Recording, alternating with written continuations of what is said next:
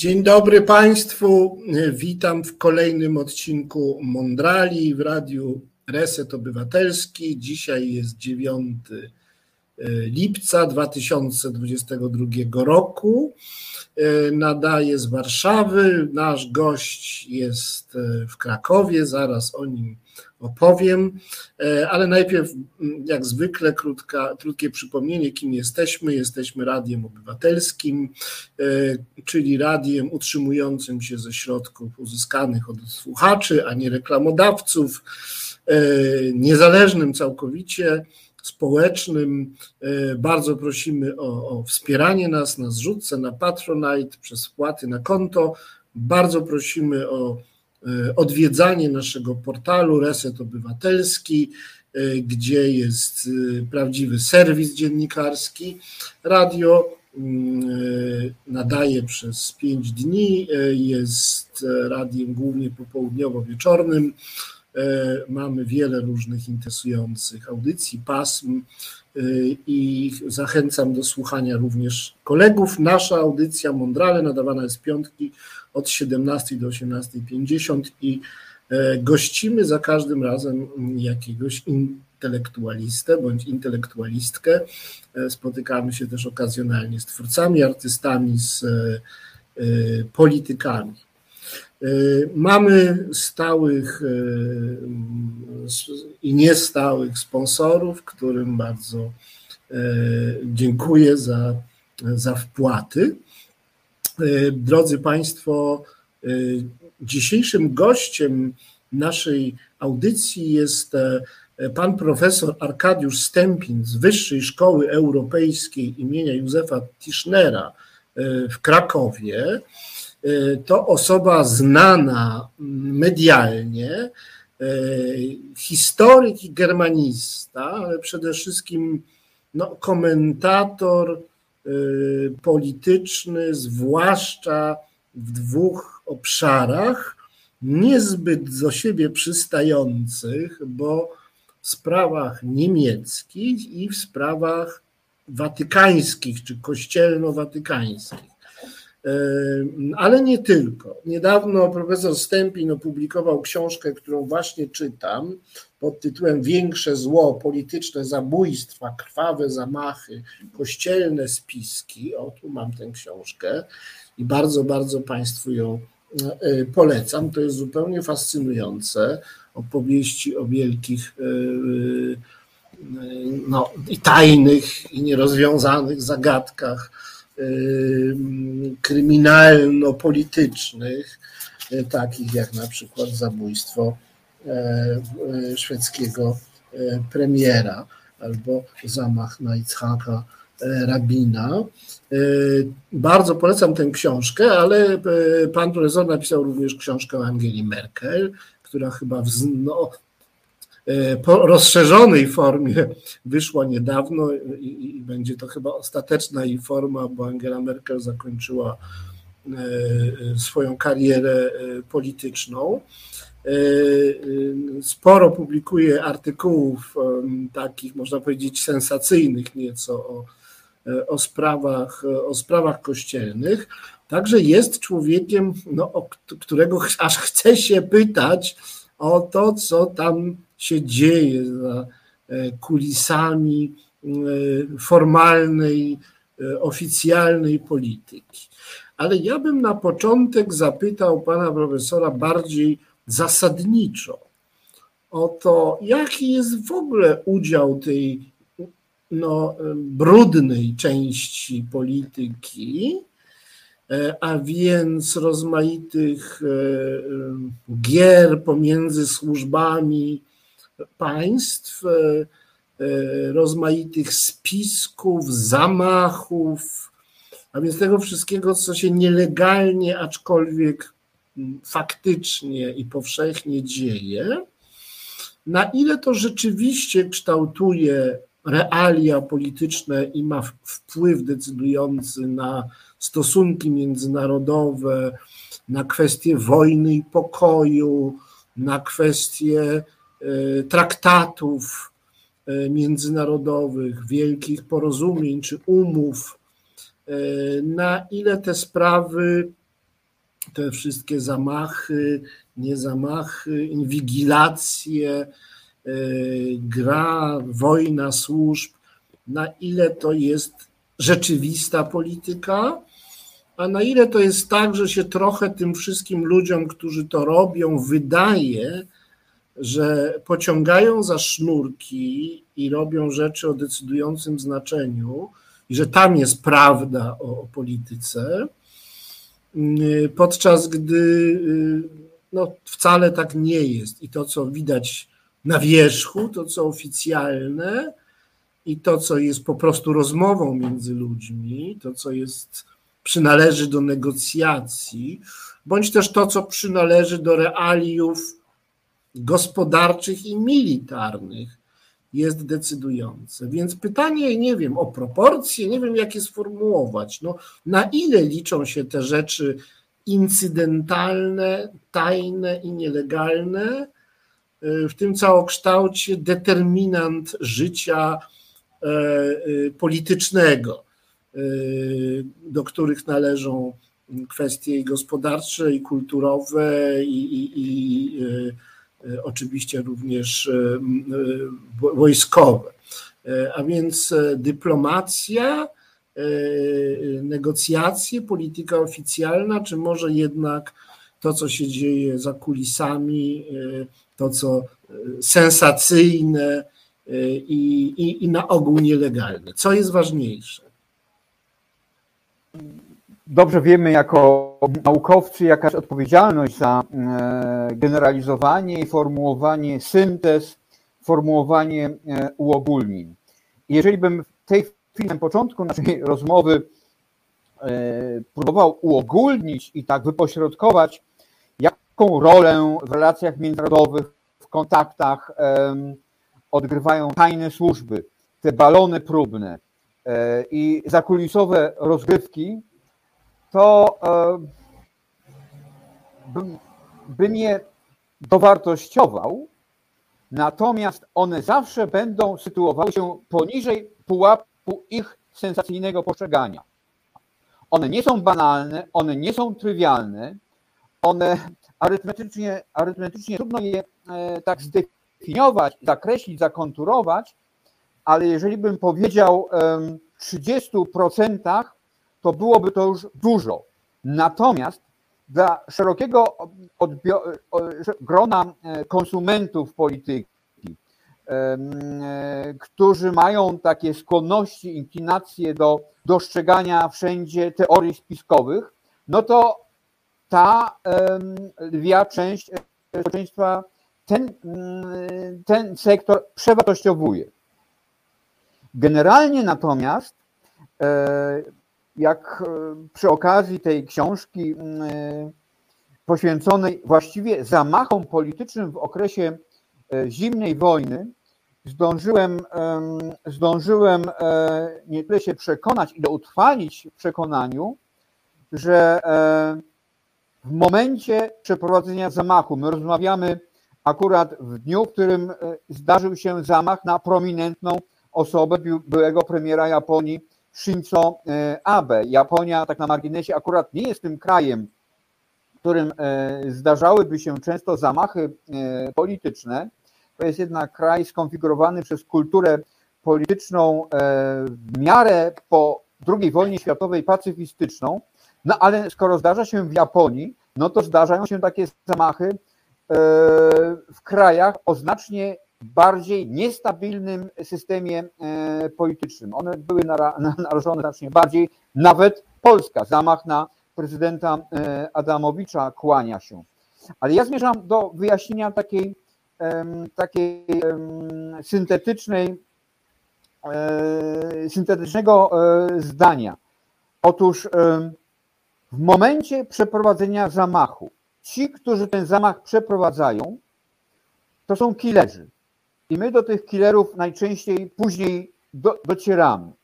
Ale na nich najczęściej kończy się ścieżka dotarcia do tych, którzy są rzeczywiście za zamach odpowiedzialni.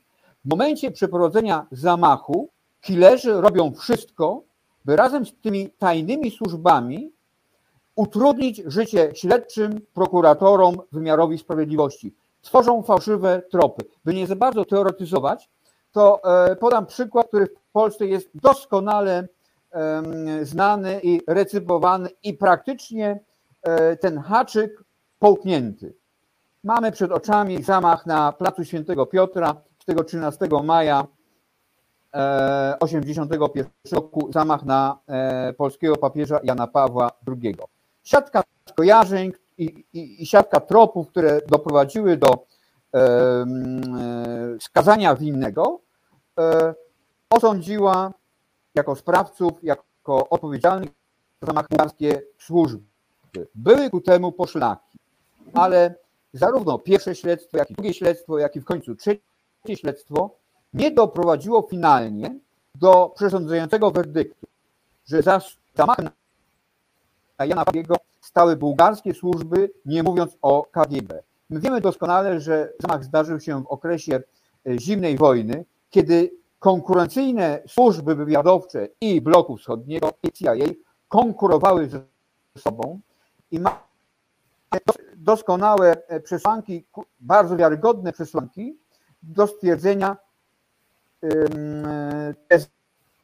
że wina, jaką obarczamy bułgarskie służby i KGB za zamach na papieża Jana Pawła II, był właśnie fałszywym ułożony przez e, by e, nie wgłębiać się e, w tematykę tajnych służb, jest bardzo amorficzna i nieprzejrzysta, wskażę tylko na krystaliczną wypowiedź samego zainteresowanego Jana Pawła II. Kiedy jeszcze przed tym finalnym uwiądem sił pojechał do Bułgarii, stanął oko z narodem bułgarskim w 2002 roku, E, kiedy jeszcze nie był powalony tą e, chorobą, która spowodowała, że końcówka pontyfikatu wymknęła się mu osobiście e, z rąk, powiedział Bułgaria, Bułgaria nie jest odpowiedzialna za zamach z 1981 roku. Tymczasem dzisiaj, do dzisiaj w Polsce powoduje teoria i hoduje się spiskowej tezie, tak, służby bułgarskie, KGB Rosja radziecka jest odpowiedzialna za zamach. To jest właśnie jakby ten, ta, ta struktura zamachu, która w momencie jego przeprowadzenia robi wszystko, by śledczym zmylić trop. I oczywiście opinii publicznej.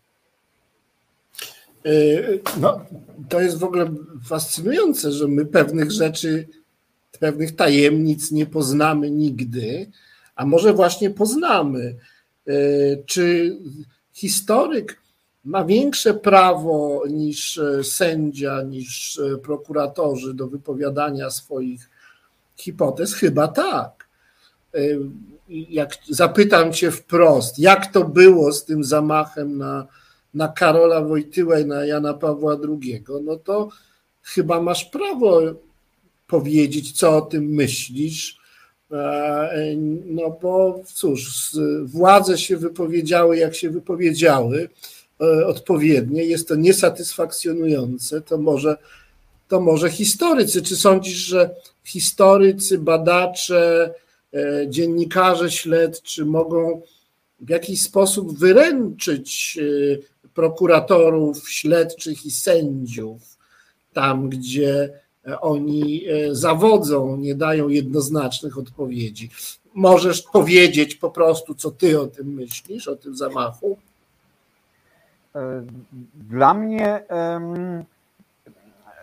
trop i ścieżka, która prowadzi do mm, Turcji, wiadomo, znamy killera Mehmeta e, Ali Akcze, e, który przynależał do szarych e, wilków i który był w czasach zimnej wojny na usługach wywiadu amerykańskiego CIA jest dużo bardziej dla mnie wiarygodnym i przekonującym, może nie do końca dowodem, ale tropem, który wskazuje na to, że e, za zamachem na Jana Pawła II nie stały służby ani bułgarskie, ani radzieckie, tylko, e, tylko pewna alienacja e, szarych wirków, które wymknęły się jakby spod kurateli CIA i trochę na własną rękę robiły własną, pod siebie własną e, robotę. Krótko mówiąc, dla mnie trop do Turcji, trop do szarych wilków, czyli ultranacjonalistycznego ugrupowania e, tureckiego jest znacznie bardziej wiarygodny i ma więcej przesłanek niż ten trop, który, no, któremu hołduje się w Polsce czyli źródła zamachu na polskiego papieża prowadzą do e, Sofii i do, mm, e, i do Moskwy. Natomiast czy historycy mają jakby większe mo możliwości odkrycia tej e, prawdy? Z pewnością tak, ponieważ im dłużej czasu upływa od tego gorącego tematu, to otwierają się i archiwa, i świadkowie, e, którzy są zainteresowani utrzymaniem fałszywej, ale jednoznacznej e, teorii odpowiedzialnej za zamach, no po prostu biologicznie e, znikają. I może odwołam się do drugiego przykładu, bardziej oddalonego od Polski. Chodzi mi o zamach na Olofa Palmego. W chwili, kiedy ten zamach miał miejsce, czyli w okresie też zimnej wojny, uwikłania wschodu i zachodu w tę, tę konfrontację, też toczyły się, toczyły się, toczyło się przeciąganie liny między e, wywiadami e, bloku radzieckiego i bloku wschodniego. Palme akurat odkrył rzecz bardzo nieprzyjemną dla e, świata zachodniego, mianowicie eksport broni pomimo embarga do RPA i próbował e, ze swoim tym takim trochę pacyfistycznym, trochę takim e, ani nie prozachodnim, ani nie prowschodnim habitusem przeciwdziałać. Wplątał się, wplątał się, e, uwikłał się w grę służb i musiał zginąć, ponieważ dowiedział się zbyt dużo. Ale śledztwo, nawet tej Szwecji, tej transparentnej Szwecji, na którą myśmy zawsze patrzyli jako taką oazę, czy taką, mm, taki e, prawzór państwa nie tylko socjalnego, ale transparentnego, e, no to i policja, i te służby związane też z tą organizacją powojenną Gladio, która, e, która była przygotowywana na ewentualną okresie zimnej wojny inwazję wojsk radzieckich do Europy Zachodniej, czyli była bardzo prawicowa, czy ultraprawicowa, ona infiltrując e, też e, policję sztokholmską, jakby doprowadziła do uwiądu e, śledztwo, doprowadziła do no, tego, że śledczy, śledczy szwedzcy zabrnęli w ślepy zaułek.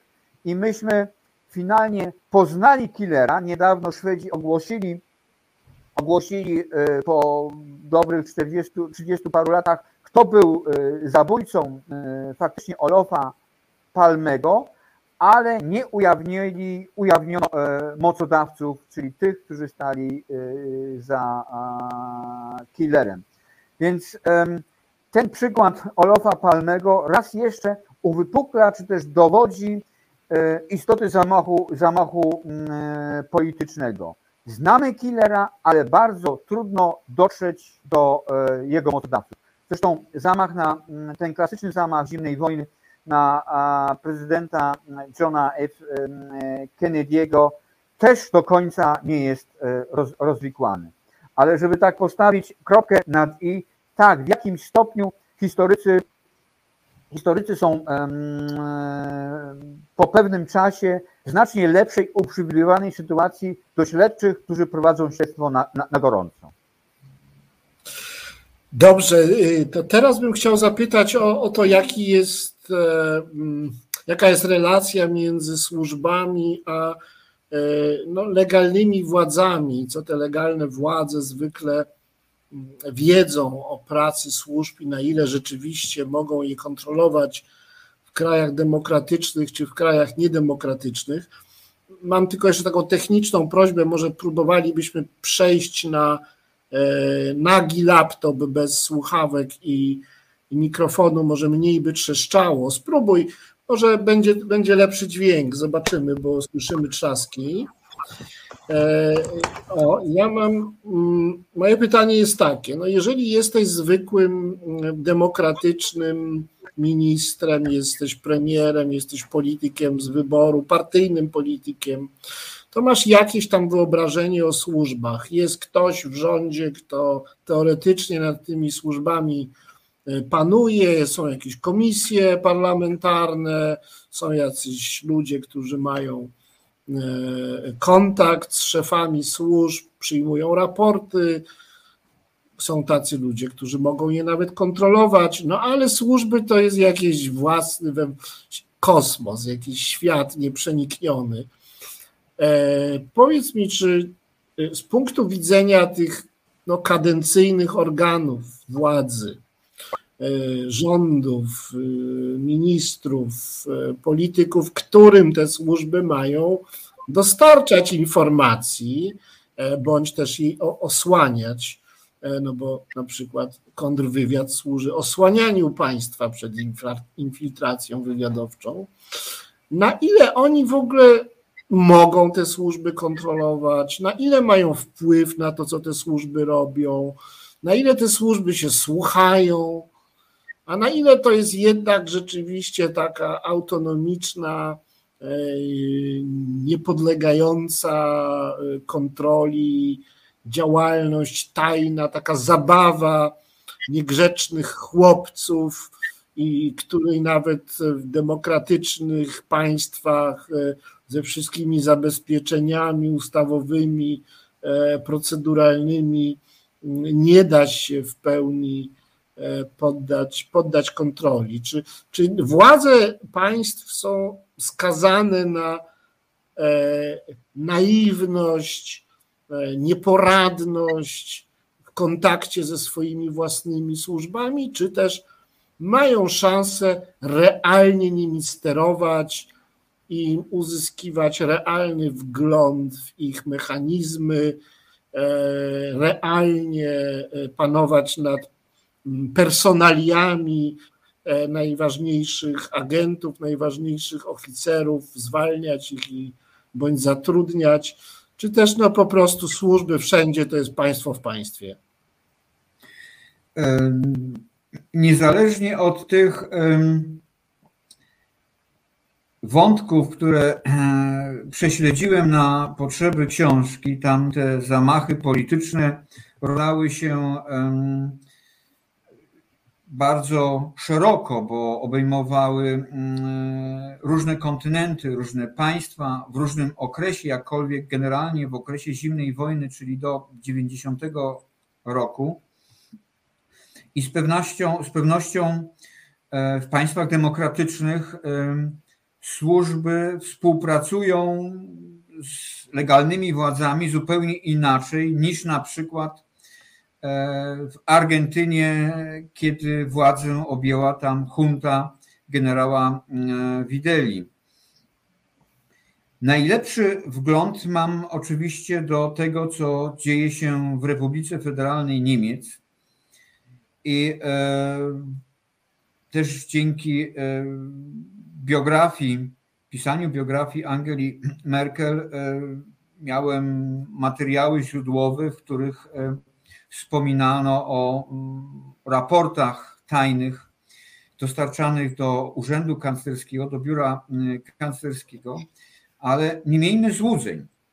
Demokratyczni politycy, nawet gdyby dysponowali szerokim, podwójnym, czy nawet potrójnym liczbowo aparatem, nie byliby w stanie do końca prześledzić wszystkich raportów, które produkowane są przez służby danego państwa. I taka Angela Merkel generalnie zapoznawała się z nielicznymi, bardzo nielicznymi e, dosie, raportami, które były jej dostarczone na przykład w kauzie no, dosyć takiej e, dla nas Polaków paradoksalnej, ponieważ chodziło o podsłuchiwanie telefonów kanclerz Merkel przez wywiad amerykański. To działo się, a przynajmniej ujawnione zostało e, to podsłuchiwanie telefonu Angeli Merkel w okresie finalnego sprawowania prezydentury przez, e, przez e, prezydenta Obamę. Więc pomimo tego, że między Obamą a Merkel, czyli bilateralnie, między dwójką liderów, istniała chemia, być może nawet e, to, czego, co polityka wykreśla ze swojego repertuaru, przyjaźń, mimo to służby amerykańskie najprawdopodobniej za plecami prezydenta podsłuchiwały telefon handy, czyli telefon komórkowy Angeli Merkel. Angela Merkel miała wtedy trzy telefony: prywatny, rządowy i partyjny, jako liderka e, CDU. Merkel twierdziła na spotkaniach Komisji e, Bundestagu, czyli Komisji Śledczej Parlamentu, że służby amerykańskie do spraw, do spraw no, cyberprzestrzeni podsłuchały jej telefon partyjny. Ani nie prywatny, ani nie mm, rządowy. Tak mówiła e, Merkel. Ja tego i nikt tego prawdopodobnie nie może zweryfikować. Dużo bardziej, dużo większe konsekwencje byłyby wtedy, gdyby e, służby amerykańskie podsłuchiwały telefon rządowy Angeli Merkel, nie mówiąc już o banalnie e, prywatnym telefonie komórkowym, mężem i, i, i rodziną. Natomiast e, do czego zmierzam? Że nawet w tym przypadku, kiedy chodziło o dwa państwa demokratyczne, trudno było mm, dotrzeć do pełnego obrazu podsłuchiwania polityka e, demokratycznego. I my nie wiemy, w jakim stopniu Angela Merkel była przez wywiad amerykański podsłuchiwana. To oczywiście odbija się rykoszetem w drugą stronę, bo daje nam pewną sugestię, odpowiedź, czy rzeczywiście, tak jak zadałeś to mm, pytanie, czy rzeczywiście demokratyczni politycy są w stanie zapanować nad e, służbami. I e, mogę powiedzieć, że nie, ponieważ ilościowo nie są w stanie przerobić, skonsumować tych raportów, jakie służby tworzą, bo jest ich znacznie więcej i nawet e, kiedy sytuacja jest taka jak w tej chwili, że toczy się strategicznie konfrontacja militarna między światem zachodnim a e, Rosją Putina, i rola służb wzrasta, to i tak, e, co wyszło mi na przykład podczas, podczas analizowania zamachu na Ishraka Rabina w Izraelu w 1995 roku, są służby takiego kraju jak Izrael w stanie, no, w cudzysłowie, ograć demokratycznych polityków. Więc gdybym miał użyć takiego największego ogólnego kwantyfikatora, odpowiem tak. Demokratyczni politycy panują nad służbami swoimi własnymi, ale maksimum w 60-70%. A w takim razie, jak to jest y, w krajach, których jest większość, czyli rządzonych autorytarnie? No na przykład, czy w Polsce, jak sądzisz, że taki Kaczyński e, ma subiektywne poczucie, że taki Kamiński to jest po prostu jego podwładny, który mu przyniesie to, co on mu każe przynieść.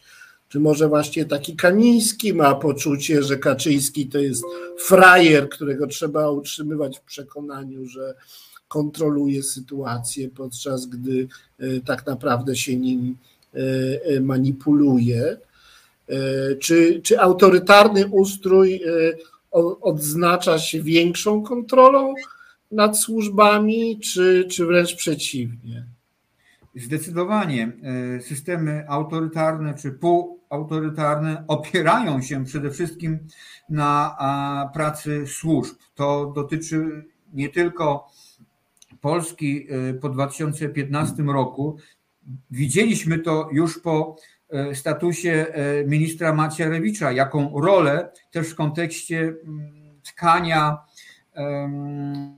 teorii mm, jaką rolę przyznano e, służbom, które mm, nie tylko dostarczały materiału mm, wywiadowczego, ale de facto kreowały politykę e, wewnętrzną, e, konstruując teorię zamachu smoleńskiego. To samo dotyczy też przebadanego przeze mnie pod kątem zamordowania arcybiskupa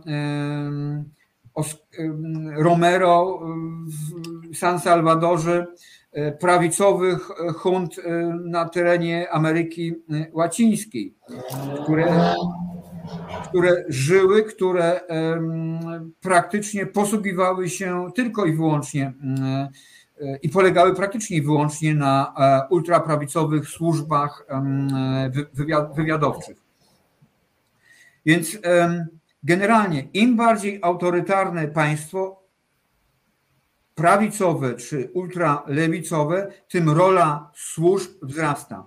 Czy Polska, no bo zadałeś to pytanie, czy Polska w roku 2020, mając y, nieformalnego lidera politycznego y, w postaci Jarosława Kaczyńskiego i jego jakby wicekróla Mariusza e, Błaszczaka, też z takim obsesyjnym spojrzeniem na rolę e, służb, czy Polska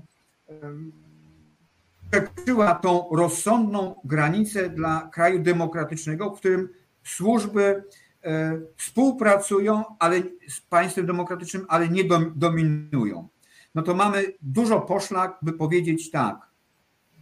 E, politycy polscy, na ile oni są demokratyczni, każdy e, z nas wie, na pewno nie panują do końca nad e, służbami, a rola Mariusza Błaszczaka, a wcześniej ministra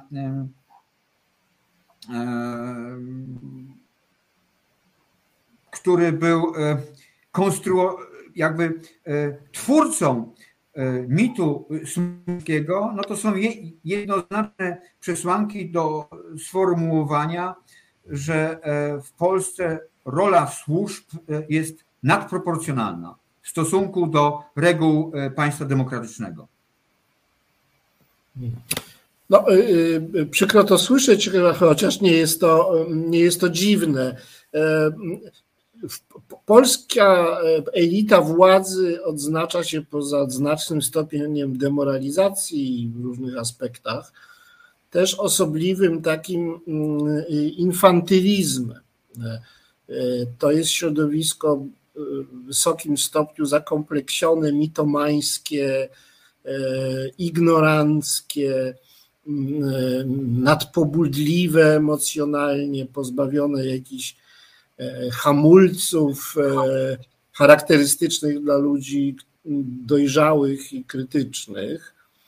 E, czy w takiej atmosferze infantylizacji władzy i takiej ogólnie panującej mitomanii i megalomanii, czy służby stają się no, generatorami własnych problemów?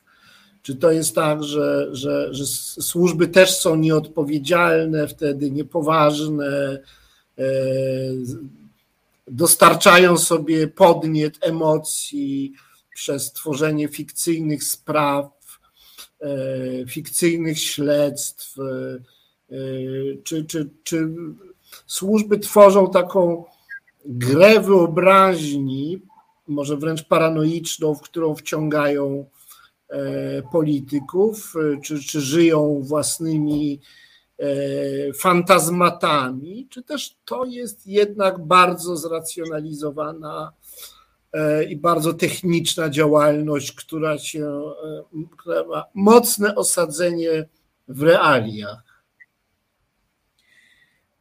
jeżeli państwo jest demokratyczne, tym bardziej, tym bardziej to niebezpieczeństwo, które zakreśliłeś, że służby w jakiś sposób ubezwłasnowolnią sobie i rację stanu państwa i egzekutorów tej racji stanu państwa, czyli polityków, jest oczywiście większe.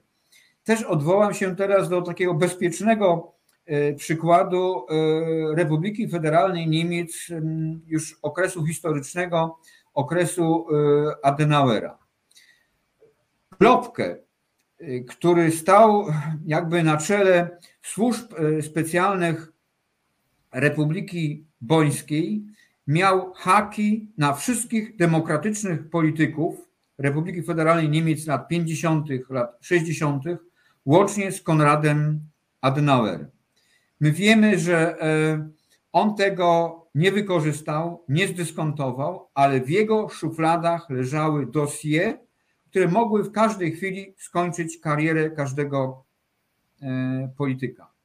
W momencie, kiedy e, sytuacja w kraju jest napięta, kiedy istnieje między społeczeństwem silna polaryzacja, i kiedy ta rola służb generalnie wzrasta, rośnie automatycznie też niebezpieczeństwo, że materiał wywiadowczy, też e, e, materiał z hakami na demokratycznych polityków zostanie realnie e, zdyskontowany. Według mnie Polska roku 2022 jest gdzieś tam na granicy przekroczenia tej takiej zdrowej linii między współpracą państwa demokratycznego i e, służb e, specjalnych. Za chwilę zrobimy sobie przerwę, ale już teraz zapowiem mm, pytanie na poprzerwie.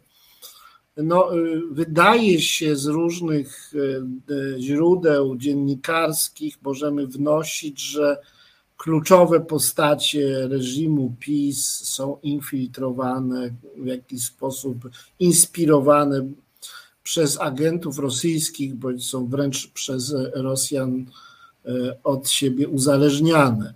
Kaczyński spotykał się z jakimś rosyjskim agentem przez, przez rok bodajże. E, no Macierewicz nieustannie miał jakieś dziwne około rosyjskie zachowania, łącznie z owym słynnym tłumaczeniem na rosyjski swojego haniebnego raportu. E, Grapiński wymienia się domami w bardzo dziwny sposób. E, Morawiecki ma interesy z rosyjskimi oligarchami, przynajmniej pośrednio. E, tych tropów jest wiele, a najważniejszy to jest oczywiście udział rosyjskich służb w aferze taśmowej.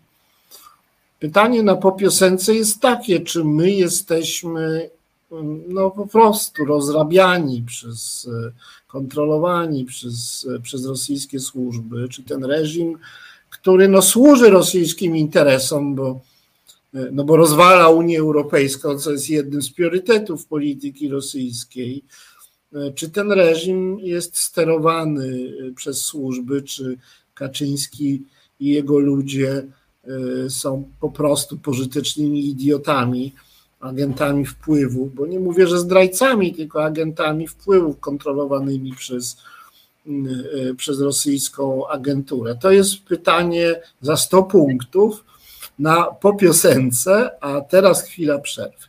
Katarzis Wszyscy mu mówią, że księża są źli, a kościół trzeba spisać na straty. A jednak Radosław Gruca na przekór wszystkim stara się udowodnić, że świat nie jest taki czarno-biały. W programach często docieramy do prawdziwego jądra ciemności. Jednak po nocy zawsze przychodzi dzień. O 19 w każdą środę. Radosław Gruca i jego śledztwa w resecie obywatelskim.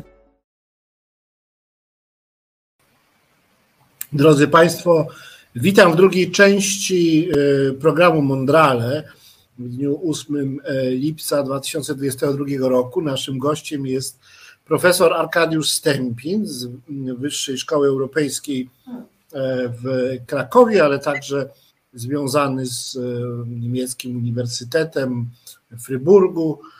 gdzie no, się doktoryzował, habilitował, historykiem, germanistą, specjalistą od różnych spraw spiskowych w różnych krajach świata, ale zwłaszcza specjalistą spraw niemieckich, co oczywiste, bo jest germanistą, e, ale także o spraw mm, kościelnych, do których przejdziemy wkrótce. Ale teraz było pytanie o to, czy e, polscy politycy, wierchuszka PiSu e, jest prowadzona przez, przez agentów rosyjskich, na ile Polska jest w ogóle no, uzależniona od Rosji za pośrednictwem takich właśnie wpływów agenturalnych.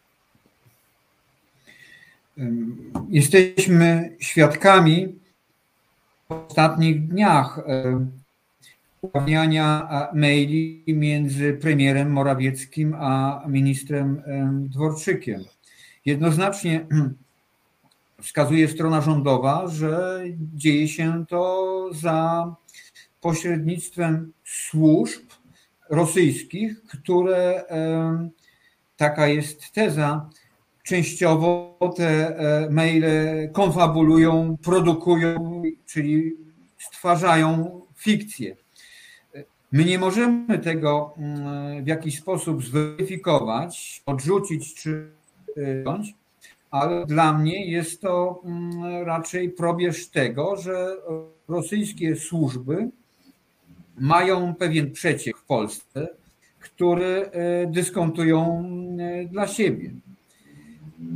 Drugie pytanie, czy, e, czy dzieje się to jakby za aprobatą no, polskiego rządu? No na pewno no, w stu procentach nie. Więc ja byłem ostrożny w formułowaniu tezy, że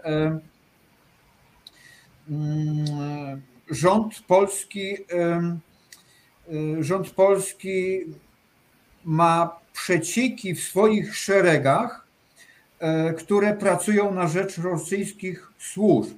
Do tego jeszcze nie jesteśmy uprawieni. Natomiast jest mocno niepokojące, że gdzieś na średnich szczeblach są przecieki w rządzie polskim, które współpracują z rosyjskimi e, służbami.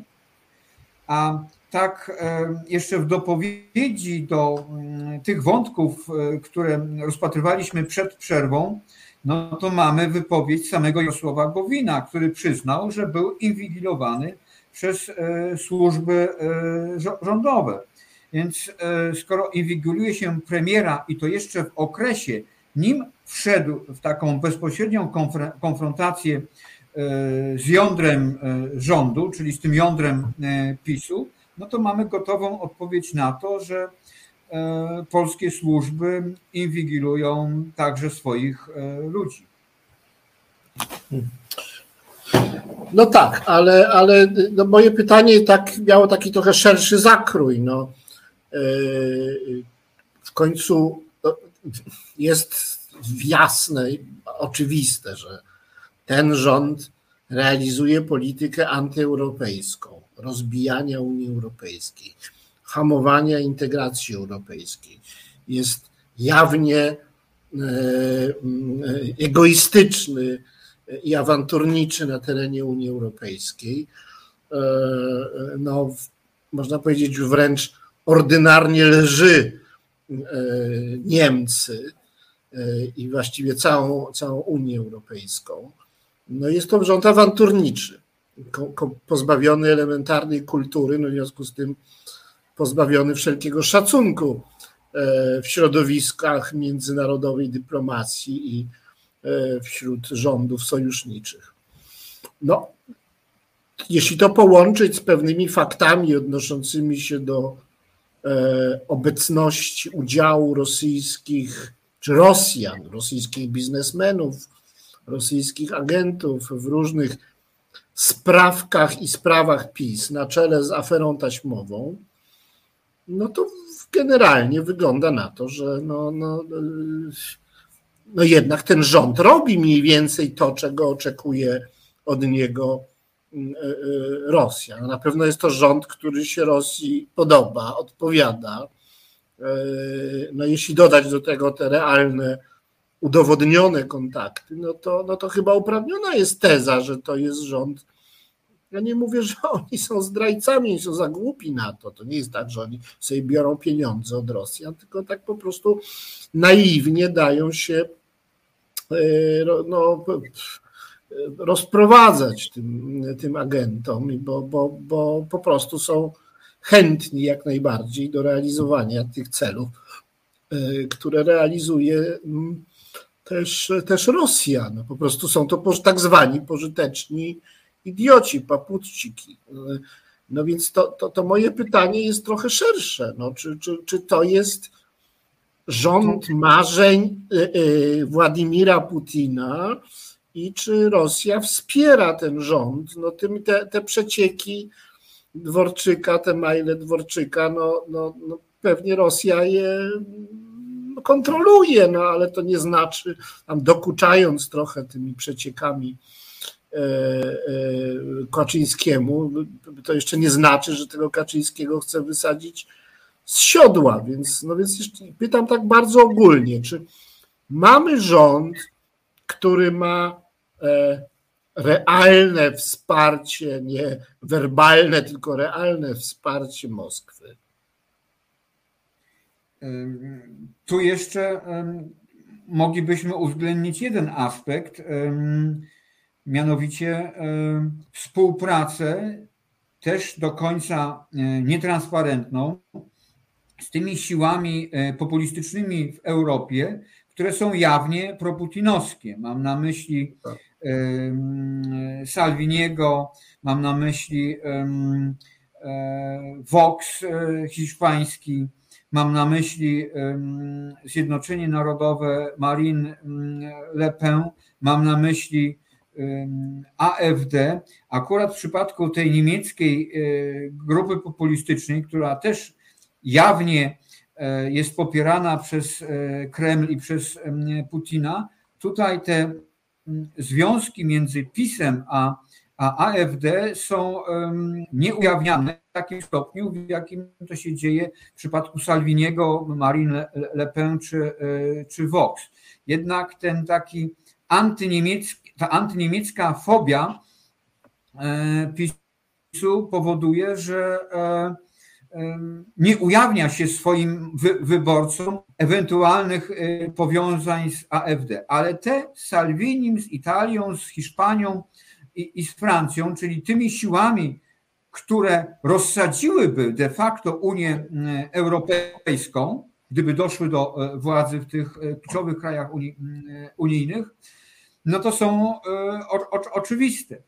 I tu wdziera się ta szczelina silnego podejrzenia, na, na ile rzeczywiście e, oprócz tego, że polityka PiSu antyunijna odpowiada rosyjskiej racji stanu, jest stymulowana ogólnie europejską przez, przez tą e, falangę, e, falangę populistycznych sił.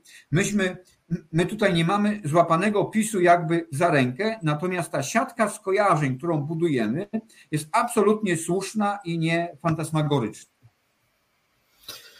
No dobrze, pozostawmy resztę mm, domysłom. No, trzeba zachować pewną ostrożność, y, formułując y, w tak drażliwych sprawach y, oceny rządu. E, ja ze swojej strony generalnie nie bardzo mam w tej kwestii jednak wątpliwości, chociaż e, jest dla mnie oczywiste, że ci ludzie są raczej po prostu głupi i zdemoralizowani niż e, mieliby być jakimiś płatnymi zdrajcami. No ale konszachty z, z no faszystami po prostu no, mówią same za, za siebie, tak jak samo za siebie mówi traktowanie uchodźców e, przychodzących od strony Białorusi e, i, i, i, wiele innych rzeczy. Bardzo to jest smutne, że społeczeństwo się tak łatwo przyzwyczaja do, mm, do, do tego rodzaju e, praktyk władzy i, i jakby nie za bardzo uzależnia swoje dla niej poparcie bądź brak poparcia od tego, jakich niegodziwości, szalbierstw się ta władza dopuszcza. No ale właśnie, Rosja to z pewnością nie jest jedyny kraj, w stosunku do którego nie jest jedyne państwo, w stosunku do którego Polska ma ograniczoną suwerenność, bo przede wszystkim takim państwem jest tak zwana stolica apostolska. To jest bardzo szczególny przypadek. Zależność Polski od, od Watykanu, od stolicy apostolskiej, od Kościoła katolickiego, który jest inną formą funkcjonowania tej organizacji, która politycznie jest państwem, jest wpisana do konstytucji. Konstytucja polska nie, nie jest konstytucją wolnego państwa.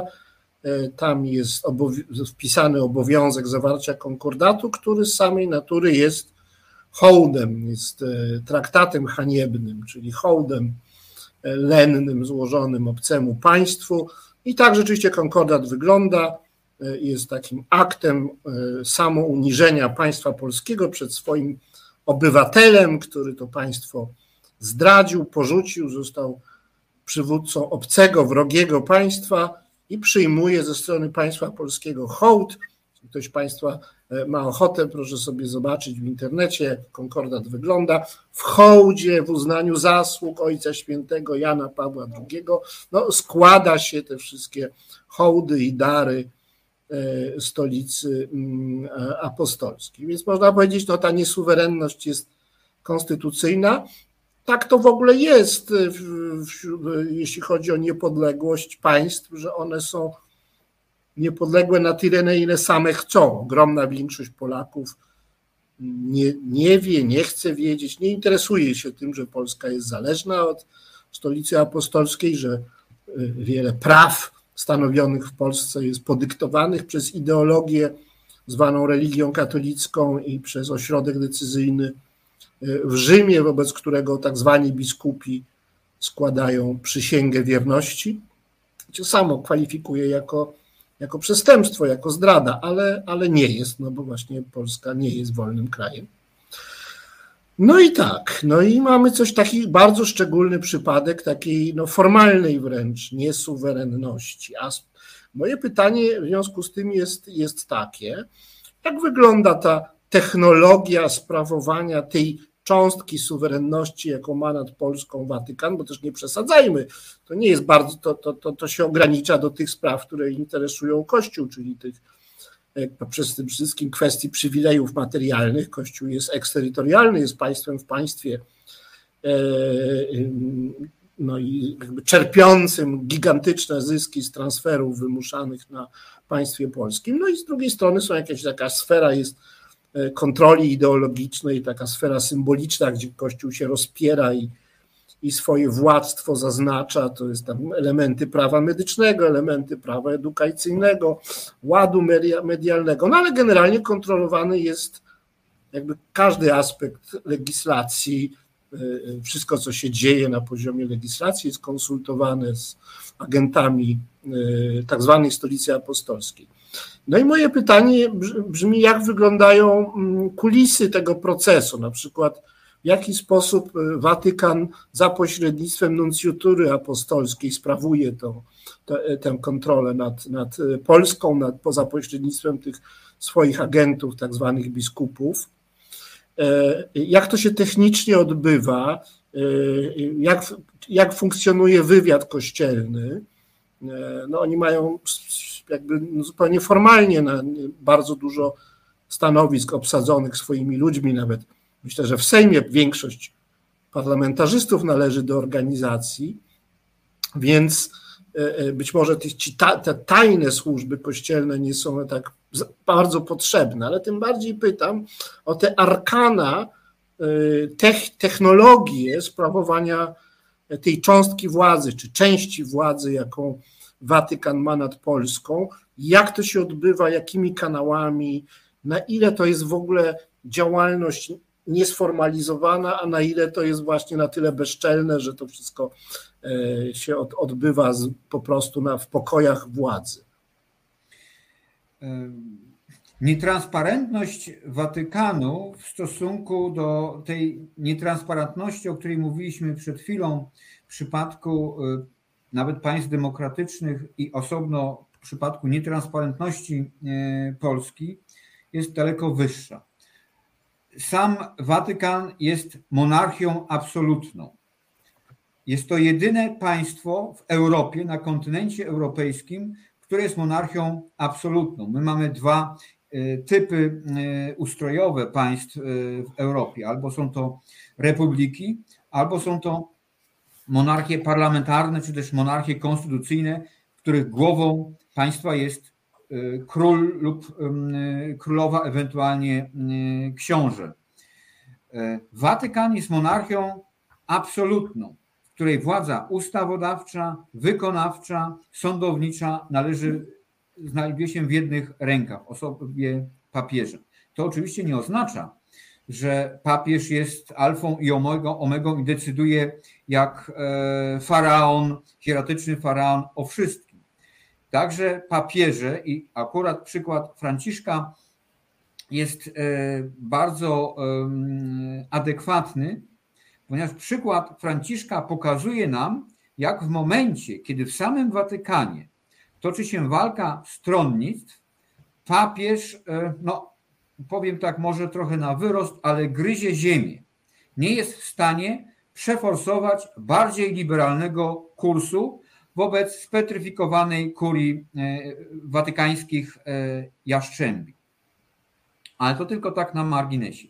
Istotne jest to, że Watykan prowadzi e, nietransparentną, bardzo często opartą na dosyć dobrej albo nawet bardzo dobrej dyplomatycznej w swojej służbie e, politykę zagraniczną. Taki przykład, który e, być może jest w Polsce kojarzony, to mediacja Watykanu w przypadku, w przypadku nawiązania stosunków dyplomatycznych między USA a Kubą. Natomiast w wielu przypadkach Watykan e, prowadzi brutalną lub też trywialną i na pewno nie zamoczoną w wodzie święconej e, politykę. E, w okresie pontyfikatu Jana Pawła II, skoro myśmy wcześniej mówili o tych zamachach politycznych, które gdzieś tam są szpicą góry lodowej nietransparentnych układów w obrębie danego państwa, to w przypadku Watykanu i w przypadku pontyfikatu Jana Pawła II mieliśmy również z takimi spektakularnymi zjawiskami, które były jakby no probierzem brudnej gry w Watykanie. Czy ona dotyczyła powiązań Watykanu chadecką demokracją w Italii. My wiemy, że w latach 90.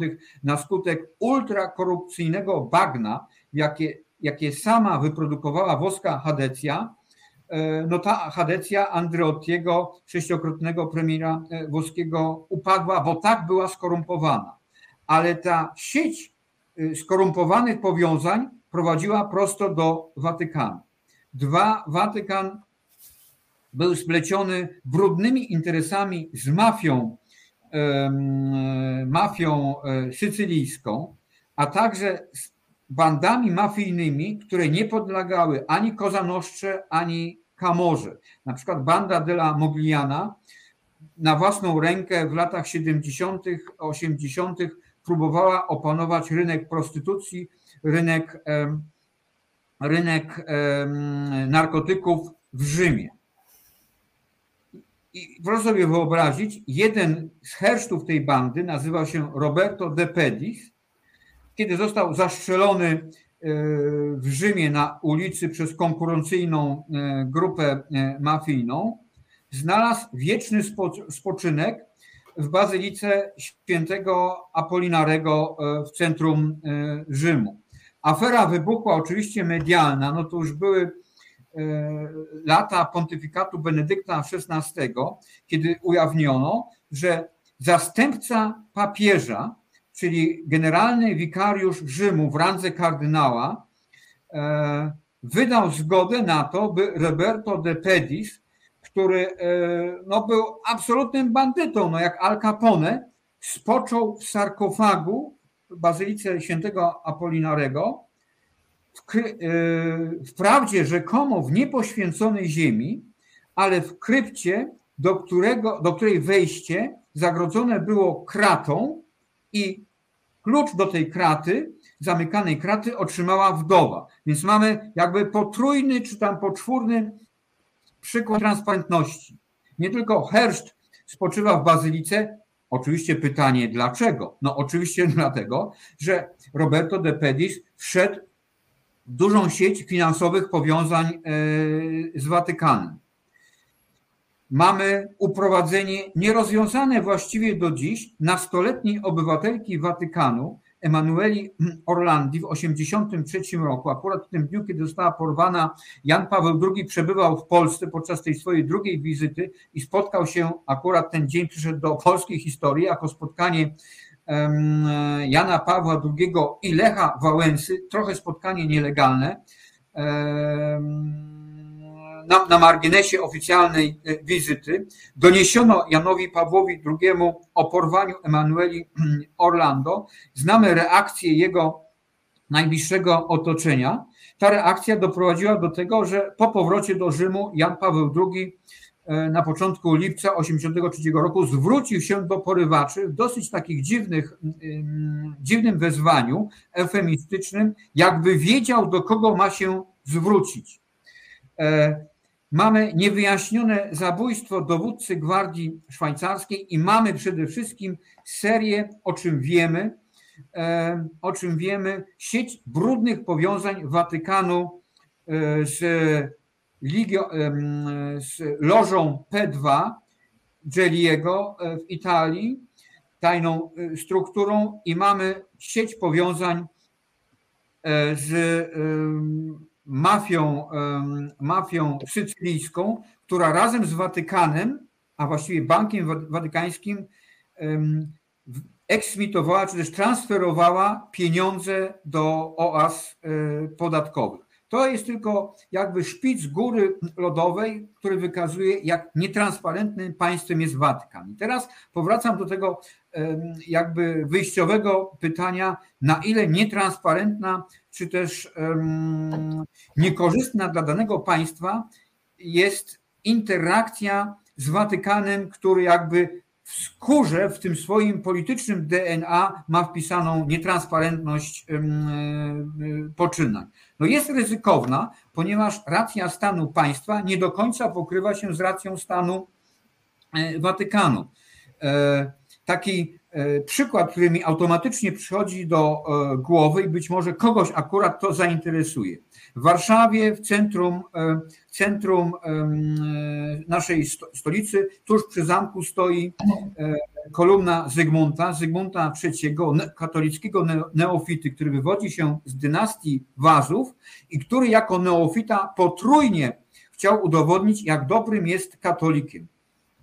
Mało tego, jako król Polski podporządkował interesy Rzeczypospolitej interesom Watykanu i interesom dynastycznym odzyskania tronu w Sztokholmie. My wiemy, że to wzięło w łeb, ale szkodę poniosła Rzeczpospolita, która mm, weszła w prawie 70 lat permanentnych wojen ze mm, Szwecją, które nie służyły Rzeczpospolitej i być może jest Zygmunt III Waza tym polskim e, władcą, tym polskim monarchą, który najbardziej inkarnuje, uosabia ubezwłasnowolnienie polityki polskiej w służbie polityki mm, watykańskiej. Tylko na marginesie w tym samym czasie rządził we Francji kardynał Richelieu. Też, też e, człowiek kościoła, ale który E, potrafił zbić się poza interes watykański i jako kardynał Kościoła katolickiego sprzymierzył się z mahometańską Turcją i protestancką Szwedzką, Szwecją przeciwko katolickim Habsburgom, dając dowód na to, że francuska racja stanu jest ważniejsza niż interes Kościoła. A e, pytanie, na ile Polska e, po tym zawartym konkordacie przez episkopat i, i, i, rząd polski oraz Watykan w dobie pontyfikatu Jana Pawła II no, stanęła na gruncie interesów Watykanu. To zacznijmy od tego, że sam konkordat jako akt e, dyplomatyczny, akt polityczny jest przeżytkiem. W tej chwili żadne państwo nie zawiera e, konkordatów. Konkordaty to był mechanizm dyplomacji watykańskiej z okresu, kiedy Kościół miał silne wpływy w świecie, czyli koniec XIX wieku, początek XX e, wieku. To się skończyło z pontyfikatem Piusa XII. Więc sama idea konkordatu jest anachroniczna. Myśmy zawali ten konkordat, tak jak słusznie e, powiedziałeś, na kolanach w latach 90., e, oddając Kościołowi i Watykanowi duże prerogatywa, uprawnienia. One oczywiście się kurczą, im bardziej sekularyzuje się społeczeństwo polskie. Bo oczywiście ta siatka wywiadowcza Watykanu, ona opiera się najpierw na tej służbie dyplomatycznej E, nuncjusza, jego e, pod, nuncjatury, podwładnych nuncjusza, ale w gruncie rzeczy ta siatka ona jest tak rozgałęziona, jak te najbardziej malutkie naczynia krwionośne w naszym układzie krwionośnym. I tymi najbardziej drobnymi mikroelementami układu krwionośnego w przypadku Watykanu są parafie. Na ile proboszcz dysponuje takim no, ugruntowaną wiedzą o swoich parafianach, na tyle potrafi ten będący na szczycie tej piramidy nuncjusz skomponować takie dosie, które wysyła do Watykanu, które niekoniecznie musi odpowiadać polskiej racji stanu. Jeżeli społeczeństwo jest sekularyzowane, proboszcz nie ma wglądu do życia swoich e, parafian, ponieważ ci parafianie nie wchodzą w interakcję z proboszczem, no to ta piramida niewiedzy rośnie e, wyżej. Więc krótko mówiąc, im bardziej sekularyzowane społeczeństwo, tym bardziej e, jest szansa na utrzymanie polskiej racji stanu.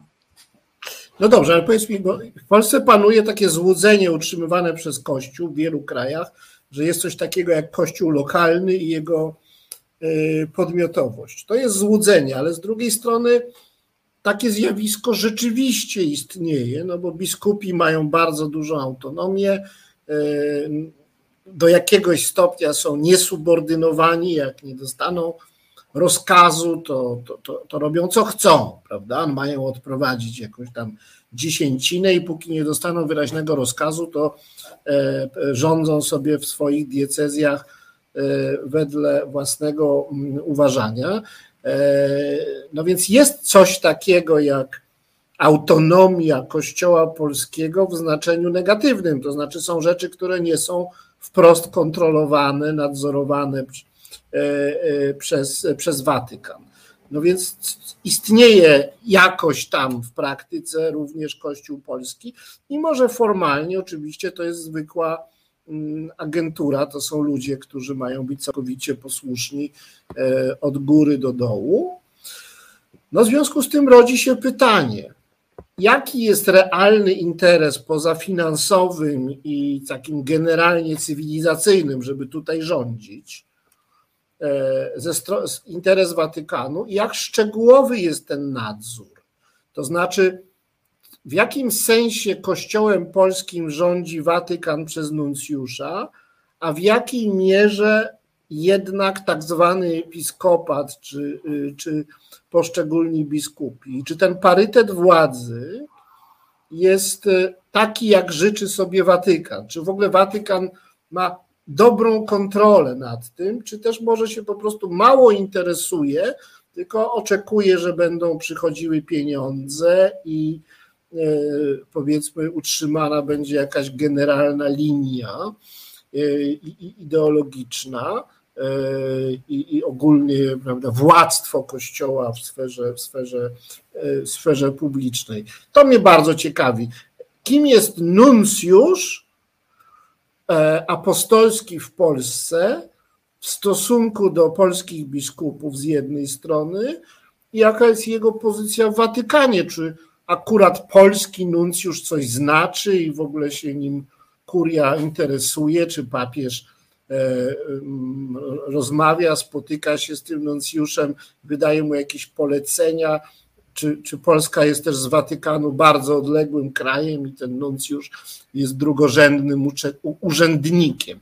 Więc to, to mnie bardzo ciekawi, na ile e, ta watykańskość, rzymskość Kościoła jest e, realna, praktyczna, funkcjonująca na co dzień, a na ile to jest tylko ogólny nadzór, a biskupi generalnie robią co chcą, bo Watykan się mało nimi interesuje. Więc odpowiedź na pytanie, kim, kim jest nuncjusz wobec polskich biskupów jest stosunkowo najmniej skomplikowane. To jest ich szef. E, nie bacząc na te wewnętrzne hierarchie godności w Kościele katolickim, które są e, dosyć bardzo mm, rozbudowane, to nuncjusz, który zawsze jest arcybiskupem honorowym, ponieważ arcybiskup w Kościele katolickim może być zwierzchnikiem metropolii, jak arcybiskup Poznania, Warszawy, Wrocławia, Krakowa, to arcybiskup honorowy jest jakby arcybiskupem watykańskim, którego rezydencja, siedziba który nie ma rezydencji i siedziby. Jest jakby ministrem bez teki. Ale w hierarchii realnej Watykanu ma wyższą władzę, ma wyższe wpływy, jest nadrzędny wobec każdego kardynała. I to widzimy w uroczystościach kościelnych, gdzie ta hierarchia kościelna, narodowa, lokalnego kościoła, no jest widoczna. Najpierw idą konnice, potem idą księża, potem kanonicy, prołaci, biskupi, arcybiskupi, kardynałowie. Ale na końcu idzie nuncjusz, jako to ucieleśnienie osoby papieża. Nuncjusz jest reprezentantem papieża w danym kraju, wobec tego ma władzę najwyższą, ponieważ papież ma władzę zwierzchnią wobec kościoła lokalnego. W tym sensie nuncjusz ma ostatnie zdanie co się dzieje, kiedy Kościół lokalny nie ma tego samego e, stanowiska, nie podziela tego stanowiska, jakie ma nuncjusz. Tu wchodzi e, jakby no kakofonia, kakofoniczna relacja. Do tego w Polsce nie dochodzi, natomiast dochodzi do tego w kościele niemieckim. W naszym jakby no na, na naszych oczach. Kościół niemiecki wewnętrznie, czyli ci biskupi e, niemieccy, biskupat niemiecki, proponuje odejście od tej wizji katolicyzmu, no, której hołduje akurat Kościół polski, a przynajmniej jego lwia część, czyli Kościół ortodoksyjny e, katolicko. I ten, ta droga synodalna, którą podąża Kościół niemiecki, nie pasuje Watykanowi ta droga synodalna w jakiś sposób upodobniłaby Kościół katolicki w Niemczech do Kościoła protestanckiego. Czyli dopuszczenie nawet kobiet do kapłaństwa, dopuszczenie do sakramentu małżeństwa osób rozwiedzionych, dopuszczenie do sakramentu małżeństwa osób e, homoseksualnych. No to są propozycje, które rozbijają się o twarde nie, nawet w tej chwili w Watykanie kiedy papieżem jest bardziej liberalny e, Franciszek. I tutaj e, no, nadrzędna rola Watykanu polega na tym, że nuncjusz apostolski w Niemczech łamie kark niemieckim biskupom. Do tego w Polsce nie dochodzi, ponieważ zgodność między e, tą aksjologią polskich biskupów a aksjologią Watykanu no jest prawie 90%. Więc e, mamy bardzo niewielu biskupów, z nazwiska może biskup Ryś, może biskup Czaja w Opolu, byliby tymi, którzy często mówią nie nuncjuszowi apostolskiemu. Ale gdyby doszło do takiej konfrontacji jeden na jeden, to możliwości nuncjusza są takie, że złamie kark i arcybiskupowi Rysiowi i e, biskupowi e, Czai e, w Opolu. Więc Było to bardzo wyraźne za pontyfikatu i Benedykta XVI i Jana Pawła II. Lokalni biskupi są namiestnikami e, papieża, realizatorami jego polityki watykańskiej. Możliwości oddziaływania natomiast Watykanu poprzez nuncjusza na politykę danego państwa, oczywiście nie we wszystkich sektorach, ale w wybranych sektorach, zwiększa się w momencie, kiedy tak jak w przypadku Polski istnieje silny sojusz tronu i ołtarza. Widzimy na przykład na przykładzie Irlandii, jak długo do właściwie do lat 2000 na podobnym pasku szedł episkopat irlandzki i państwo irlandzkie w kwestiach aborcji, e, małżeństw, e, etyki seksualnej odbijało się to na prawodawstwie irlandzkim. W chwili, kiedy Irlandczycy zbuntowali się, powiedzieli nie Watykanowi, powiedzieli na skutek e, afery seksualnej i pedofilskiej w kościele irlandzkim, powiedzieli nie, to możliwość oddziaływania Watykanu na bieg wydarzeń, suwerenny bieg wydarzeń w państwie irlandzkim, no zmalał praktycznie do zera. E, drogi Arkadiuszu, czas na drugą piosenkę. E, sprawy Kościoła podnoszą nam ciśnienie, muszę powiedzieć, mnie w każdym razie.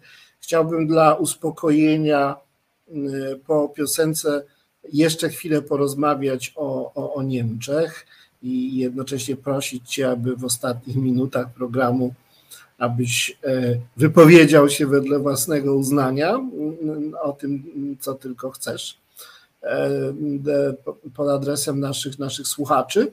A, a teraz znów druga kilkuminutowa przerwa na piosenkę. Bardzo proszę. Prawoteka. Sędzie Monika Ciemięga, Jolanta Jerzewska i Marta Korzuchowska-Warywoda z Fundacji Edukacji Prawnej Justitia zabiorą Was do świata pełnego teczek z aktami Wyjaśnią, na czym polega praworządność, sprawiedliwość, ale także jak uniknąć problemów z prawem. Porozmawiają z zaproszonymi gośćmi, odpowiedzą na Wasze pytania. Nie musicie wstawać. Sąd idzie w poniedziałki o 21 w resecie obywatelskim.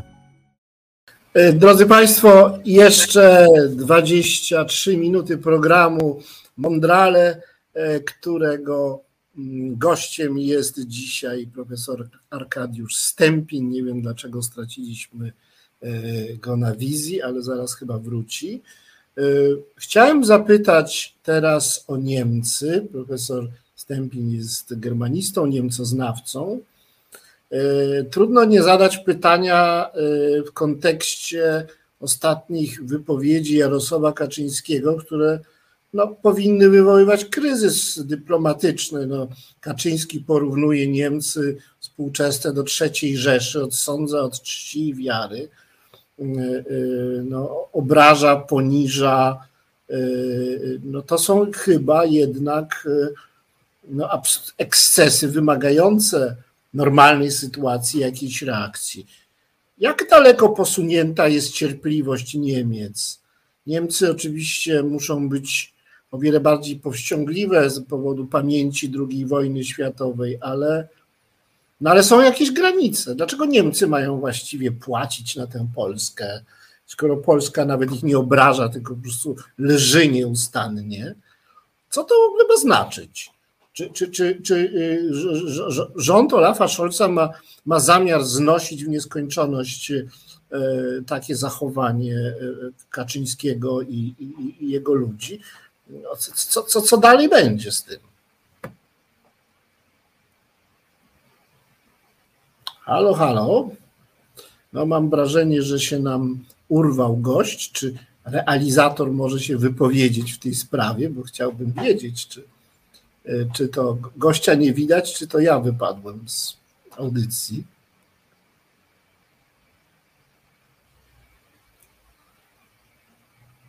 No. Drodzy Państwo, nie wiem nawet, czy mnie nie słyszycie. Profesora nadal z nami nie ma. Y, spróbujemy się z nim połączyć. Aha, jest zerwane połączenie, tak? tak. Dobrze, więc e, czekamy, aż, aż e, profesor zostanie na powrót włączony do naszej audycji, to prawdopodobnie jest jakiś problem z, z internetem. To ja Państwu powiem, co sobie w ogóle myślę o tym, jak, w jakiej się znaleźliśmy dzisiaj sytuacji. Wydaje mi się, że Jarosław Kaczyński, który no niby to inicjując już kampanię wyborczą, no, zaostrzył ton, popadł w tego rodzaju szaleństwo i obłęd, którego jeszcze u niego nie widzieliśmy. Opowiada na prawo i lewo jakieś nieprawdopodobne wprost bzdury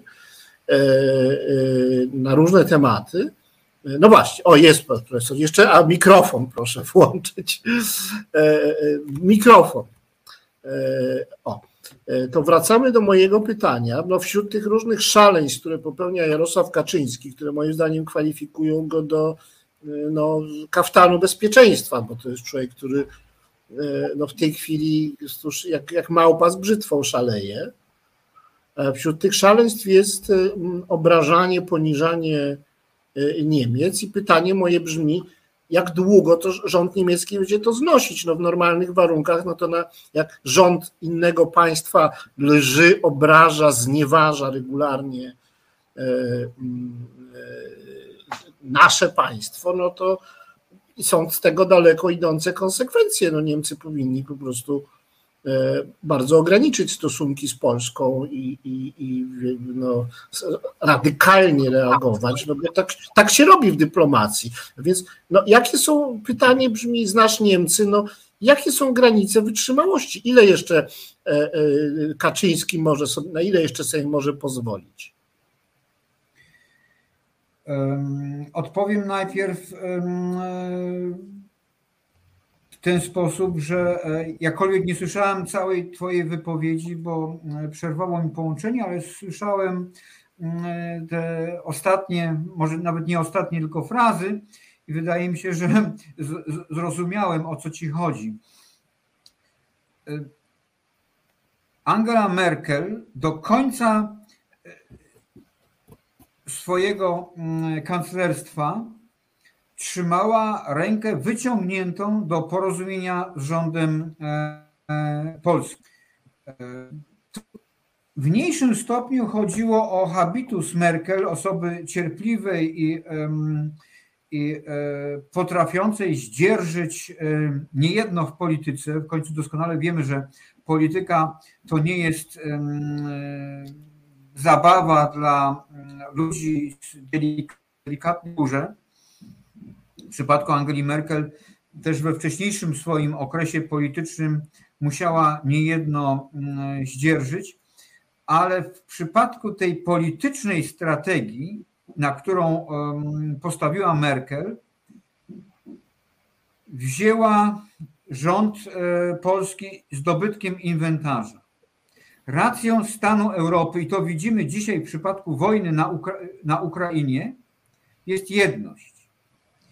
Dlatego Merkel chowała także te kwestie praworządności, które budziły opór e, na, na Zachodzie. We Francji, w krajach takich jak, jak, jak Francja, e, Macrona, jak e, Holandia, jak kraje skandynawskie, budziły tam dużo większy opór niż nawet w społeczeństwie niemieckim. Merkel tego nie artykułowała, ponieważ dla niej polityczna jedność Europy była jedyną kartą w konfrontacji, no właśnie, i z Trumpem, do momentu, kiedy e, na szczęście Trump nie zniknął z politycznego e, horyzontu, i z Putinem, i z Ksimpiem, z Chinami. To była ta imponderabilia Angeli Merkel. Dzierżyła Merkel e, inwektywy kierowane przeciwko Niemcom w Polsce na potrzeby polityki wewnętrznej i w kwestii reparacji, i w kwestii kulturowej, i e, w kwestiach, które jakby nie dotyczyły tego hardkorowego obszaru e, polityki. Natomiast jak będzie z rządem Scholza, który e, w dużym stopniu próbuje kopiować metodę Angeli Merkel, który w jakimś stopniu też e, no jest wychowankiem Angeli Merkel, jakkolwiek z innej partii, ale który ma podobny habitus polityczny i nazwijmy to dosłownie pewną ludzką cierpliwość na różnego rodzaju szarże, ponieważ te szarże w dużym stopniu e, kończą się fiaskiem. Zobaczmy, przecież cała ta polityka, którą e, zagraniczna, którą PiS konstruowało na samym początku w 2015 roku, tworzenie jakby e, państwa w państwie Unii Europejskiej, tworzenie tej grupy wyszehradzkiej stojącej w kontrze do, do Brukseli, do Berlina, było na niczym. Próba stania się E, koniem trojańskim, nie mówię polityki amerykańskiej, ale polityki Trumpa w Unii Europejskiej skończyła się w momencie, kiedy, kiedy Trump został, nie został ponownie wybrany na prezydenta. Więc taka jakby strategiczna cierpliwość opłaca się Berlinowi, opłaca się e, Niemcom. A te inwektywy, które e, retoryczne, które płyną w kierunku Berlina, nie, nie e, powodują, że e, w Berlinie któryś minister czy jakiś e, kluczowy polityk pofolguje swoim nerwom i odpowie pięknym za nadobne. W Niemczech tę rolę spełnia wolna prasa. No to dziwne, to znaczy, że w zasadzie tak naprawdę Kaczyński może sobie gadać co chce, tak? Że to, to jest pewien, że to nie będzie miało żadnych konsekwencji, tak? No, no więc właśnie, dopóki gada, nie ma, nie zawiera to w sobie niebezpieczeństwa dla racji stanu e, Unii Europejskiej. Ja, ja, ja, kiedyś gazeta Tageszeitung, jakaś tam pospolita gazeta niemiecka napisała o Lechu Kaczyńskim, że jest tam jakimś e, burakiem czy kartoflem. To odpowiednik chyba naszego buraka. E, to były to była afera dyplomatyczna na, na, na ogromną skalę. E, no, komiczna oczywiście, no bo cóż mógł rząd powiedzieć, u nas prasa jest wolna. No, e, e, no a, a, a gdy, gdy y, faktyczny przywódca państwa polskiego regularnie obrzuca najgorszymi inwektywami, przekraczając wszelkie granice kultury i absurdu jednocześnie, państwo niemieckie, i rząd niemiecki, no to co? To na to odpowiedź jest, że e, niech, niech to dziennikarze komentują. No, ja, ja tego nie mogę zrozumieć. Czy, czy, czy rząd, rząd, rząd niemiecki nie jest rządem populistycznym. Rząd populistyczny ma um, jeden cel utrzymanie się przy władzy każdą metodą. Każda metoda jest dobra, żeby utrzymać się przy władzy. I um, ta retoryka antyniemiecka, ona e, ma podgrzewać antyniemieckie nastroje w tym elektoracie, który jest antyniemiecki, ponieważ ten elektorat w dniu wyborów przychodzi do urn i głosuje na PiS. E, rząd niemiecki nie jest rządem populistycznym, więc nie jest zainteresowany w, rewanżowaniu się rządowi polskiemu retoryką antypolską. Istnieje natomiast pewien obszar e, rozbieżności politycznych i w ostatnim czasie one dotyczyły e, budowy Nord Stream 2, relokacji uchodźców, jakkolwiek zostało to przez Merkel e, właściwie w 2017 roku zakopane porozumieniem z Erdoanem, ale do 2017 roku kwestia relokacji uchodźców, wobec których mhm. rząd polski mówił stanowcze nie, była kamieniem niezgody między, między rządem polskim a rządem niemieckim. Trzecim takim kompleksem, gdzie e, Warszawa i Berlin kompletnie się rozjeżdżały, była mm, sprawa niewypowiedzianych e, w drodze komunikacji dyplomatycznej roszczeń polskich wobec e, Niemiec odnośnie reparacji wojennych. To były trzy kompleksy, które powodowały, że Polska i Niemcy rozjeżdżały się. Czwartą po wyborze e, Trumpa na prezydenta po 17 roku, no to był stosunek Polski do, do USA i właściwie ta rola Polski jako konia trojańskiego e, Trumpa, bo nie polityki amerykańskiej, tylko Trumpa w Unii e, Europejskiej. To były cztery takie rzeczowe pola konfliktów. One, one w tej chwili nie są relevantne, bo Polska nie artykułuje roszczeń wobec rządu niemieckiego w sprawie odszkodowań. Relokacja uchodźców jako problem dla Unii Europejskiej zniknęła.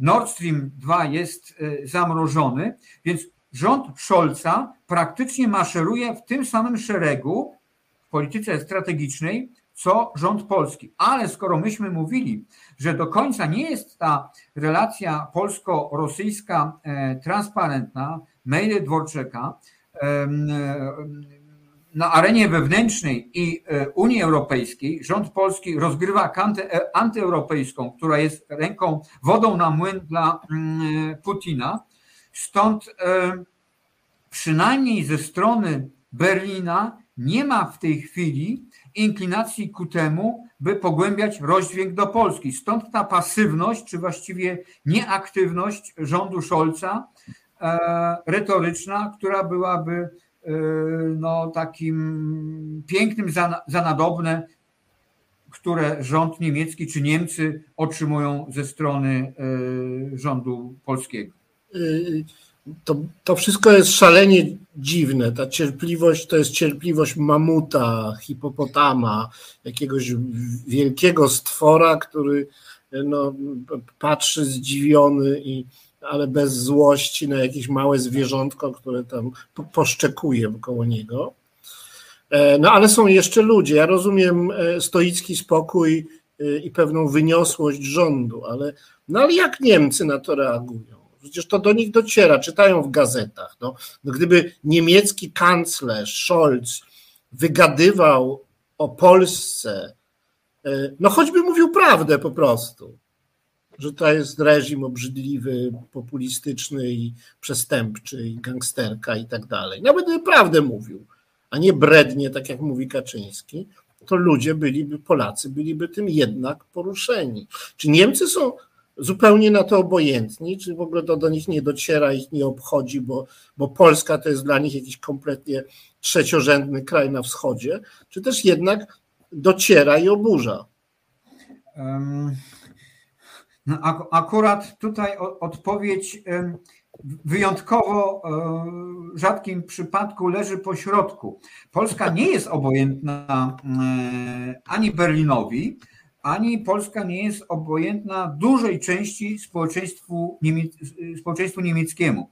Niemcy, co musimy jednak sobie uzmysłowić, mają dziewięciu sąsiadów i w jakiś sposób leżą w centrum mm, Europy, w centrum Unii Europejskiej i to zainteresowanie, mówię o społeczeństwie, rosła się mm, dosyć proporcjonalnie. Poza tym Niemcy jako mm, naród, jako społeczeństwo mają ten horyzont poznawczy znacznie szerszy niż Polska ponieważ Niemców interesuje Afryka, interesuje Ameryka e, Południowa. Ja nie mówię w kontekście e, zainteresowania Afryki, e, resorty hotelowe w Hurgadzie, tylko interesuje na przykład polityka rozwojowa prowadzona przez, przez ich rząd wobec, wobec Afryki. Inaczej mówiąc, spektrum zainteresowania przeciętnego Schmidta czy Müllera w Niemczech jest dużo większe niż przeciętnego Kowalskiego i przeciętnego e, Nowaka e, w Polsce. Stąd nie są Niemcy sfokusowani na Polsce. I jeżeli idą jakieś inwektywy w kierunku Berlina, czy e, jakaś retoryczna propaganda, która jest zaprzeczeniem dobrych relacji ekonomicznych, przynajmniej do pandemii, z Niemcami. Mamy znakomitą relację gospodarczą przecież Pol z Niemcami. Przecież Polska jest w jakimś stopniu um, um, sprzężona organicznie sukcesem gospodarczym Niemiec. Dlatego perorowanie nawet um, o tym, że Niemcy realizują swoje egoistyczne interesy, ponieważ budują Nord Stream 2. Akurat myśmy tego aspektu nie tematyzowali. To oczywiście tania ropa, tani gaz, jaki płynął do e, Niemiec, powodowała e, wzrost konkurencyjności gospodarki niemieckiej na rynkach światowych, ale dzięki temu profito, e, dyskontowały, dyskontowała Polska swój sukces gospodarczy. Inaczej mówiąc, okrężną drogą poprzez Niemcy Polska była beneficjentem taniego gazu i taniej ropy idącej do Niemiec. Więc chciałem tylko jakby uwypuklić fakt, że Niemcy jako naród, jako społeczeństwo są po pierwsze bardziej tak horyzontalnie zorientowani na wszystkich swoich sąsiadów, a nawet nie tylko swoich sąsiadów, i nie mają tylko tego jednego fokusu polskiego, gdzie od czasu do czasu rzeczywiście dochodzi do takiego zagęszczenia medialnego, czy też e, zagęszczenia e, politycznego. A mm, oprócz tego establishment, establishment niemiecki, jeżeli realizuje interesy Berlina, czy też interesy gospodarcze kraju, może sobie pozwolić jakby przyjąć na klatę ten, ten, ten garść czy tę gardę, e, gardę e, no, propagandy, e, wrogiej propagandy. Drodzy Państwo, powoli kończy się nasz program. Dzisiejsze spotkanie z profesorem Arkadiuszem Stępinem, niemcoznawcą, germanistą i historykiem. E, zwyczajem naszego programu jest oddanie tych ostatnich minut gościowi na swobodną wypowiedź, i właśnie to jest ten, ten moment, kiedy proszę naszego gościa, żeby zważywszy na, na to, że będzie słuchany, oglądany być może nawet za kilka lat, e, bo takie jest prawo podcastów i filmików, e, żeby powiedział coś, co uważa za ważne przesłanie. A więc bardzo proszę, ostatnie 4, 3-4 minuty. Proszę. No, tak jakby nawiązując do tego, o czym mówiliśmy, czyli jakby takich no, e, trzech, ale w tej chwili powiem o tych dwóch wątkach, watykańskim i, i, i, i niemieckim. Racja stanu Polski wymagałaby, przynajmniej w, tej, w ramach tej aksjologii katolickiej, nie wprowadzić fundamentalnej ortodoksyjnej wersji katolicyzmu, tylko raczej dbać o to, by e, e, gdzieś połączyć się z wizją Kościoła, jaką ma, realną Kościoła, jaką ma papież e, Franciszek. My musimy odejść od wizji Polski jako przedmurza chrześcijaństwa, musimy pogodzić się z sekularyzacją kraju i musimy uznać, że jeżeli religia katolicka ma sens, to w XXI wieku nie jako um, armia krzyżowców, tylko jako wspólnota złączona nakazem bliźniego. A druga, drugi człon polskiej racji stanu polega na tym, by nie walić jak bęben Unię Europejską, w Niemcy, ponieważ polska racja stanu, co widzimy teraz w przypadku agresji Putina na Ukrainę, wymaga jednolitego stanowiska Unii Europejskiej i zbliżenia między Berlinem, Warszawą, mówię o zbliżeniu politycznym, oraz kulturowego zbliżenia między Polską a Niemcami. Taki dojen e, e, polskich publicystów okresu PRL-u, e, Kisielewski, powiedział tak: Polska i Niemcy wyrastają z, tej samej, z tego samego podłoża, tego samego humusu, tego samego, tej samej kultury kapusty. Jest w tym jakaś pewna trywialność semantyczna, ale głęboka myśl. Wbrew pierwszej, drugiej wojnie światowej jesteśmy Polacy i Niemcy sobie kulturowo bardzo bliscy i byłoby źle, gdyby koniunkturalna polityka stanęła temu na przeszkodę. Drodzy Państwo, bardzo, bardzo dziękuję profesorowi Stępinowi. Weźmy sobie do serca to y, przesłanie mądrościowe, że nasz, naszym interesem jest nie awanturować się z Niemcami, a o ile Polacy są jednak chrześcijanami, to powinni trzymać się tego, co w chrześcijaństwie y, jest najważniejsze, czyli przesłania y, miłości i braterstwa.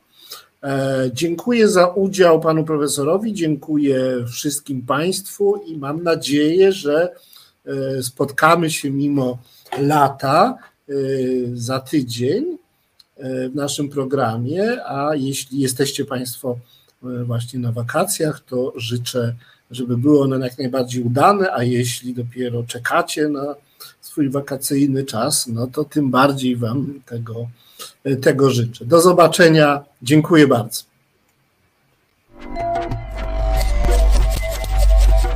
Reset Obywatelski.